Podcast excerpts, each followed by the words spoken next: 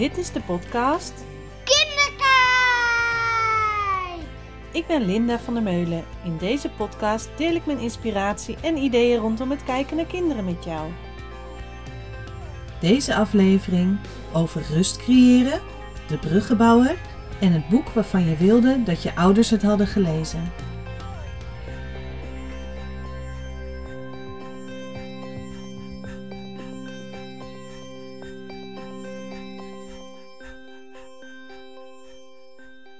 Wat fijn dat je weer luistert naar deze allernieuwste aflevering van de podcast. En ik ben heel nieuwsgierig hoe je deze podcast aan het luisteren bent. Want ik luister zelf graag podcasts als ik aan het wandelen ben ehm, of als ik aan het koken ben. Dan heb ik mijn oortjes in en dan vind ik het fijn om iets in mijn oren te hebben en te luisteren naar inspirerende verhalen of dingen die me bezighouden. En dat is ook de reden waarom ik deze podcast ben begonnen om jou te inspireren en om jou inzichten te geven, dingen waar ik mee bezig ben te delen, boekentips, talenten te delen. En ik ben heel benieuwd wat je daarvan vindt, hoe je het luistert, ehm, welke dingen je meeneemt en welke dingen je helemaal niks vindt. Dat vind ik ook leuk om uh, te horen. En ook als je ideeën hebt voor een nieuwe aflevering of als je vragen hebt waar ik iets mee kan, dan hoor ik het heel graag. Omdat ik ervan overtuigd ben dat je samen nog meer uit dingen kan halen. En dat is ook het talent die in deze aflevering centraal staat, de bruggenbouwer. En daarover gaat ook het boek wat deze keer centraal staat. Maar eerst wil ik het met jullie hebben over rust creëren. Want misschien herken je het wel, thuis of op je werk, dat het soms ineens onrustig kan voelen. Dus dat je ergens bent met kinderen en dat je gewoon aan de sfeer voelt van pff, wat hangt er in de lucht. Of we zeggen op het werk ook wel eens, jeetje, komt er storm aan of zo. Ze zijn zo onrustig. Maar meestal, als je dan gaat kijken naar wat is de oorzaak van die onrust, is dat heel vaak wij als volwassenen omdat kinderen heel erg gevoelig zijn. Uh, die hebben voelsprieten voor sfeer, voelsprieten voor wat er aan de hand is. En ook al kunnen ze het nog niet verwoorden, kunnen ze het wel met hun gedrag laten zien wat er speelt. En als je dan heel goed gaat kijken achter dat gedrag, dan ga je dingen ontdekken. Want kinderen communiceren niet alleen met woorden, maar vooral ook met gedrag. En hoe minder woorden ze nog hebben, hoe meer ze met gedrag laten zien. Dus vooral als je met jonge kinderen te maken hebt, um, nou ja, tot een jaar of zes in ieder geval. En vooral de allerjongste, die kunnen nog niet vertellen waar ze mee zitten, wat er aan de hand is, wat ze voelen, wat ze denken. Maar ze kunnen het wel met hun gedrag laten zien. En je merkt heel vaak wanneer een volwassene druk is met zichzelf, of bijvoorbeeld met een telefoon of een laptop. Of druk met taken die moeten gebeuren. Dus continu aan het rennen vliegen is door de ruimte. Uh, met dingen bezig is die moeten gebeuren. Of met zijn telefoon bezig is. Dus um, je zit eventjes, denk je, een rustig momentje op de bank. En je zit er nog geen moment. En je wordt alweer gestoord. Dan betekent het dat kinderen voelen dat je niet toegankelijk bent. Omdat je zo druk bent, of in je hoofd, of met je telefoon, of met de dingen die moeten gebeuren. Dan voelen ze dat je geen contact hebt op dat moment met hun. En wat je dan kan doen, is weer opnieuw contact maken. En natuurlijk is het niet zo dat je 24 uur per dag, 7 dagen in de week beschikbaar moet zijn. En ook niet als je aan het werk bent met kinderen, dat je volop de hele dag beschikbaar moet zijn. Maar dit is vooral een tip als je voelt dat er onrust is. Als je voelt dat de kinderen aan het vliegen zijn, aan het niet lekker tot spelen komen. Dan is dit een tip die je kan toepassen. Want hoe doe je dat nou, die rust terugvinden? En de tip lijkt heel simpel. En dat is hij misschien ook. Maar hij werkt echt. Want wanneer jij zelf bezig bent met iets, bijvoorbeeld en vooral um, schermpjes hebben dat. Bijvoorbeeld een telefoon, bijvoorbeeld een laptop. Als je daar volledig in gefocust bent, dan ben je letterlijk niet bereikbaar. Misschien merk je dat zelf ook wel als jij een berichtje aan het lezen bent of aan het sturen bent of iets aan het bekijken bent op je telefoon en iemand vraagt iets, dan hoor je het wel, maar meestal ook niet direct. En het is prima als je die momenten af en toe even hebt, want kinderen hebben ook te leren dat je niet altijd bereikbaar bent. Maar let eens op tijdens de dag hoeveel van die momenten zijn er. En kijk ook vooral, wat doe ik als dat gebeurt? En als je nou merkt en je wil dat patroon doorbreken, dus dat de onrust minder wordt, het enige wat je dan hoeft te doen is zitten op de grond. Dus echt even op het niveau van de kinderen, bij de kinderen zitten. En dan hoef je eerst niet eens zoveel te doen. Ga gewoon eens zitten. Ga gewoon eens kijken. Wat gebeurt er? Wat zie ik? Waar zijn ze mee bezig? Dus je hoeft niet eens nog contact te maken met de kinderen. Maar ga eens zitten. En wat je merkt als je dan gaat zitten, is dat er rust komt. Dat jij zelf de rust neemt om even te gaan zitten. Want dat hoef je ook echt niet een half uur te doen. Vaak is 5 à 10 minuutjes wel genoeg om weer die sfeer rustig te krijgen. En als je dan gaat zitten, dan kun je ook echt eens even goed kijken naar die kinderen. Wat zijn ze aan het doen? Hoe doen ze dat? Waar zijn ze mee bezig? En als je dat dan doet, zul je ook merken dat er rust komt. Misschien zijn er kinderen die dan direct bij je komen of bij je komen zitten of een boekje pakken en graag even voorgelezen willen worden of met iets van speelgoed om te laten zien. Neem dan even dat momentje. En zoals ik net zei, het hoeft ook niet tijden te duren, maar als je voelt er is onrust, benut dat moment. Wat je ook kan doen als je denkt van ja, uh, zitten is op dit moment echt niet te doen. Er moet nog zoveel gebeuren Ga actief in de ruimte bezig. Dus bij de plek waar de kinderen zitten, ga daar bijvoorbeeld het fruit snijden aan een laagtafel of vanaf de grond, zodat je diezelfde rust, die lage rust creëert, maar wel met iets bezig bent wat toch moet gebeuren. Of ga liedjes zingen, of ga op de grond een boekje lezen. En vooral dat laag bij de kinderen zijn, dat is het stukje wat heel veel rust geeft.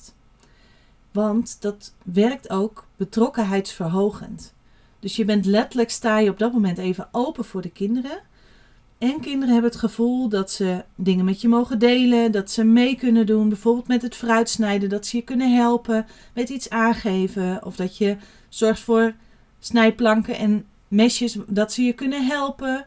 Of dat je zorgt voor bordjes waar ze het fruit op kunnen leggen. En het helpt echt. Dus ik wil je uitnodigen om met deze tip aan de slag te gaan. En ik ben heel benieuwd hoe je dat gaat ervaren. En waarom ik het boek waarvan je wilde dat je ouders het hadden gelezen heb gekozen. En de subtitel daarvan is En je kinderen blij zijn dat jij het doet. Is omdat daar een heel mooi stukje in stond wat dit uh, bekrachtigt. Want dat boek, het boek waarvan je wilde dat je ouders het hadden gelezen, Ehm, is een opvoedboek. Maar het is niet een opvoedboek met allerlei tips uh, over slapen, over eten, over goede manieren. Maar het gaat vooral over ouderschap. En over hoe jij als volwassene om kan gaan en om wil gaan met kinderen. Over verschillende leeftijden van baby tot tieners. Over gevoelens, over gedragingen en patronen. En het, is op een hele leuke manier geschreven. Dus ook echt wel makkelijk leesbaar. Tenminste, ik ben er zo doorheen gevlogen. En geschreven door een uh, psychotherapeut, Philippa Perry. En de manier van schrijven is dat ze heel veel voorbeelden gebruikt. En een voorbeeld uit het boek wat ik even wil uitlichten en ook voorlezen gaat over rust creëren. Want als jij een kind vertelt dat jij het druk hebt, dan zal het kindje blijven storen waardoor jij je werk niet afkrijgt. En daarmee geef je ze ook het gevoel dat ze lastig zijn of saai, of dat ze daardoor eenzaam of boos of verdrietig worden. En als een kind eenmaal speelt en tevreden is, blijft het spelen zonder jou er steeds bij te vragen of lastig te vallen. En je zal toch tijd moeten doorbrengen met je kinderen. Dus investeer die tijd op een positieve manier. Dan hoef je minder tijd te steken in een negatieve manier. En het voorbeeld dat ze noemt is: Een tijdje terug zat ik te kijken naar een vader en een dochter op het strand. Het meisje zal een jaar of zes geweest zijn. Toen ze aankwamen was het: Papa, doe dit! Papa, kom mee! Nu gaan we naar de zee! Haal een emmer! Bouw dit! Papa deed alles wat hem gevraagd werd. Na een tijdje ging het meisje steeds meer op in haar spel, met nat zand bij de branding. Papa zat vlakbij en keek alleen maar toe. Het was een prachtig voorbeeld van een kind dat geleidelijk haar eigen automatische piloot vond, zodat papa tijd voor zichzelf kreeg. Na een tijdje kwam er een ander meisje staan kijken wat ze deed. En begon het eerste meisje haar in haar spel te betrekken. Ik vond dat leuk om te zien. Als papa niet met haar meegedaan had en in het begin meteen in zijn krant was gedoken, had ze misschien alleen nog maar aandacht gehad voor haar vader, zich kwaad gemaakt en zich niet kunnen verdiepen in haar eigen spel of een nieuw vriendinnetje hebben gemaakt.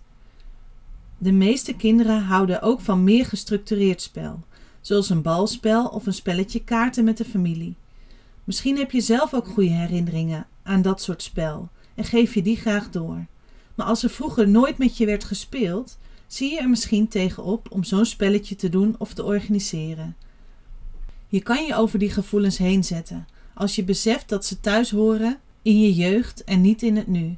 Of regelen dat er andere kinderen en volwassenen zijn om mee te spelen met je kind. En af en toe proberen dat mee te doen. Het voorbeeld wat ze hier geeft over dat kindje, wat eigenlijk in het begin samen met die papa probeert een spel op gang te brengen. En dat die vader eerst meedoet en alles uh, doet wat het kind zegt. Dat is een voorbeeld wat helpt in kinderen zelf dingen laten doen. Dus als je ziet dat een kind niet tot spel komt, of je hebt zelf allerlei dingen in je hoofd die jij wil gaan doen, check eerst even of alle kinderen lekker aan het spelen zijn. Dat ze zich vermaken, dat ze met iets bezig zijn waar ze een langere tijd mee bezig kunnen zijn. Dus help ze eerst op weg. En dat kan dus door even op de grond te zitten en te observeren. En als je merkt dat kinderen niet tot spel komen, kijken, aansluiten en verrijken. Dus iets toevoegen aan het spel waardoor ze weer verder kunnen. En je zal merken als je ziet dat kinderen weer tot spel komen, dat je zelf ook de dingen kan doen die je wilde doen. Dus met de taken aan de slag kan die je heel graag wilde gaan doen. En vooral in deze tijden waarin we heel veel thuis zijn en um, je ook dingen hebt die je zelf wil doen, is dit extra belangrijk. Omdat je zowel als ouder, maar ook als pedagogisch medewerker of in de klas er eerst voor moet zorgen dat die kinderen bezig zijn. Want als kinderen gaan dwalen, als kinderen gaan rondvliegen, dan heb jij zelf ook niet de rust om jouw taken te doen. Dus dit is echt wel een hele concrete praktische tip met heel veel ruimte om zelf te experimenteren of zelf mee aan de slag te gaan. En daarbij daag ik je ook uit om dit echt eens te gaan doen. Dus om echt die tijd te nemen, om even de rust te nemen om te gaan zitten. En het talent wat ik daarbij vind passen is de bruggenbouwer. En de bruggenbouwer is een talent wat ervan houdt om belangen van mensen met elkaar te verbinden. Vandaar ook de brug in bruggenbouwer. Bruggenbouwers houden niet zo van conflicten. Maar als ze toch met een conflict geconfronteerd worden, gaan ze op zoek naar punten van overeenstemming. En op die manier bouwen ze dus bruggen. Dus als ze merken dat mensen het niet met elkaar eens zijn, dan gaan ze juist op dat stukje verbinding zitten. Bruggenbouwers merken het meteen als er spanningen in de lucht hangen. Ze zien bijvoorbeeld bij een discussie meteen wie het niet eens is en die mensen daar focussen zich op. Dus juist de mensen die afwijken van de rest. En als bruggenbouwer zie je dus heel snel de overeenkomsten in dingen. En wat kenmerkend is voor dit talent, is dat met jou erbij iedereen mee wil doen. Ze voelen goed aan of iedereen blij is of juist niet. Bruggenbouwers willen graag dat iedereen het fijn heeft. En houden er ook van om het weer goed te maken. Dus als ze zien dat twee mensen of twee kinderen een conflict hebben, dan willen ze heel graag helpen om dat conflict weer op te lossen. En ook om mee te denken in een oplossing waar iedereen zich goed bij voelt. Die bruggenbouwers voelen zich fijn in een omgeving met weinig of geen jaloezie. Weinig ruzie, weinig oneenigheid. En ze hebben ook heel vaak de bemiddelende rol als er iets aan de hand is. Misschien herken je je wel in dit talent. En ik vond hem heel mooi aansluiten omdat dit, dit ook gaat over de rust creëren. En over weer rust terugbrengen als er een conflict is. Het stukje bemiddelen, het stukje in oplossingen denken. Wat daar heel mooi bij aansluit is de win-win situatie. En deze manier van conflicten oplossen gebruik ik ook altijd in verschillende workshops. Omdat het echt werkt en al bij jonge kinderen, dus vanaf peuters eigenlijk, al werkt. En hij gaat als volgt. Als kinderen een conflict hebben, bijvoorbeeld ze zijn aan het buitenspelen en willen allebei de rode schep. Dat is wat ze willen. Wat je dan heel vaak ziet gebeuren is dat wij als volwassenen het over gaan nemen.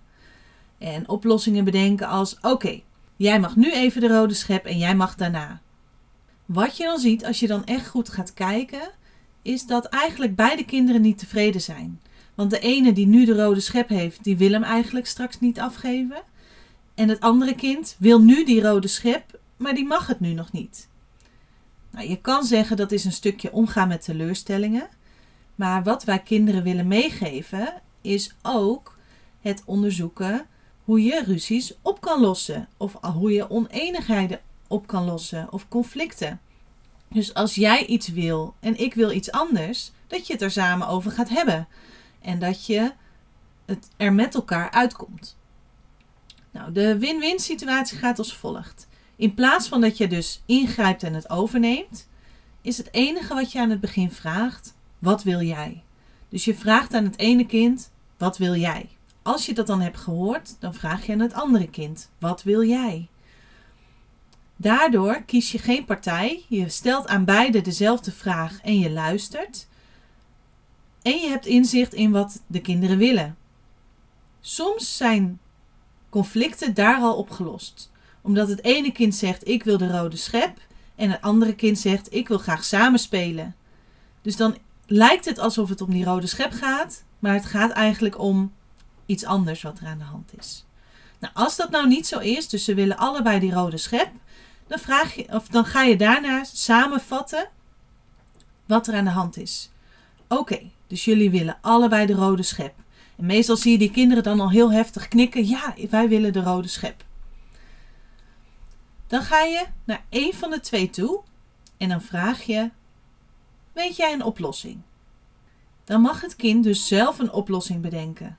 En wat vaak, vooral bij jonge kinderen eerst gebeurt, of kinderen die dit nog niet zo vaak hebben gedaan, is: Ik wil die rode schep.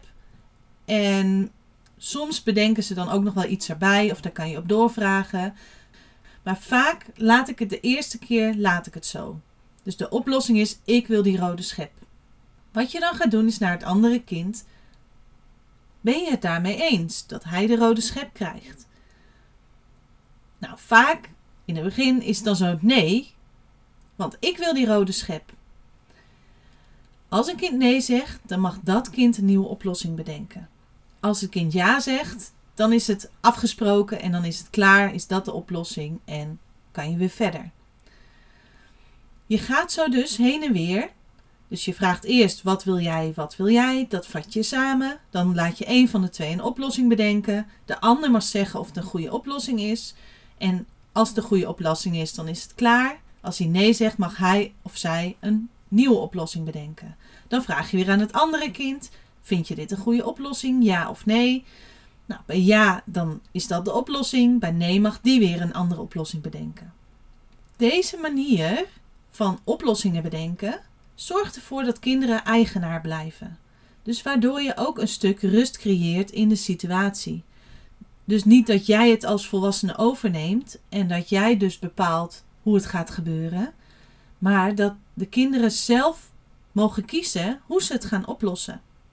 En hoe vaker je dit doet, hoe sneller kinderen ook tot een oplossing kunnen komen. En natuurlijk heb je ook te maken met heel uh, volhardende kinderen dus kinderen die echt per se willen hoe het in hun hoofd is. En de regel hierin is dan ook: een oplossing die eenmaal genoemd is, mag niet nog een keer genoemd worden. Dus je moet altijd iets toevoegen of iets veranderen aan de oplossing die je gegeven hebt. Dat daagt kinderen uit om nieuwe ideeën te bedenken, om in nieuwe oplossingen te bedenken.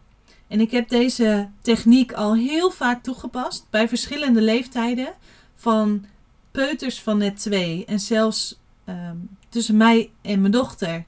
Dus dat ik iets anders wilde dan zij en waarin het ook lukte.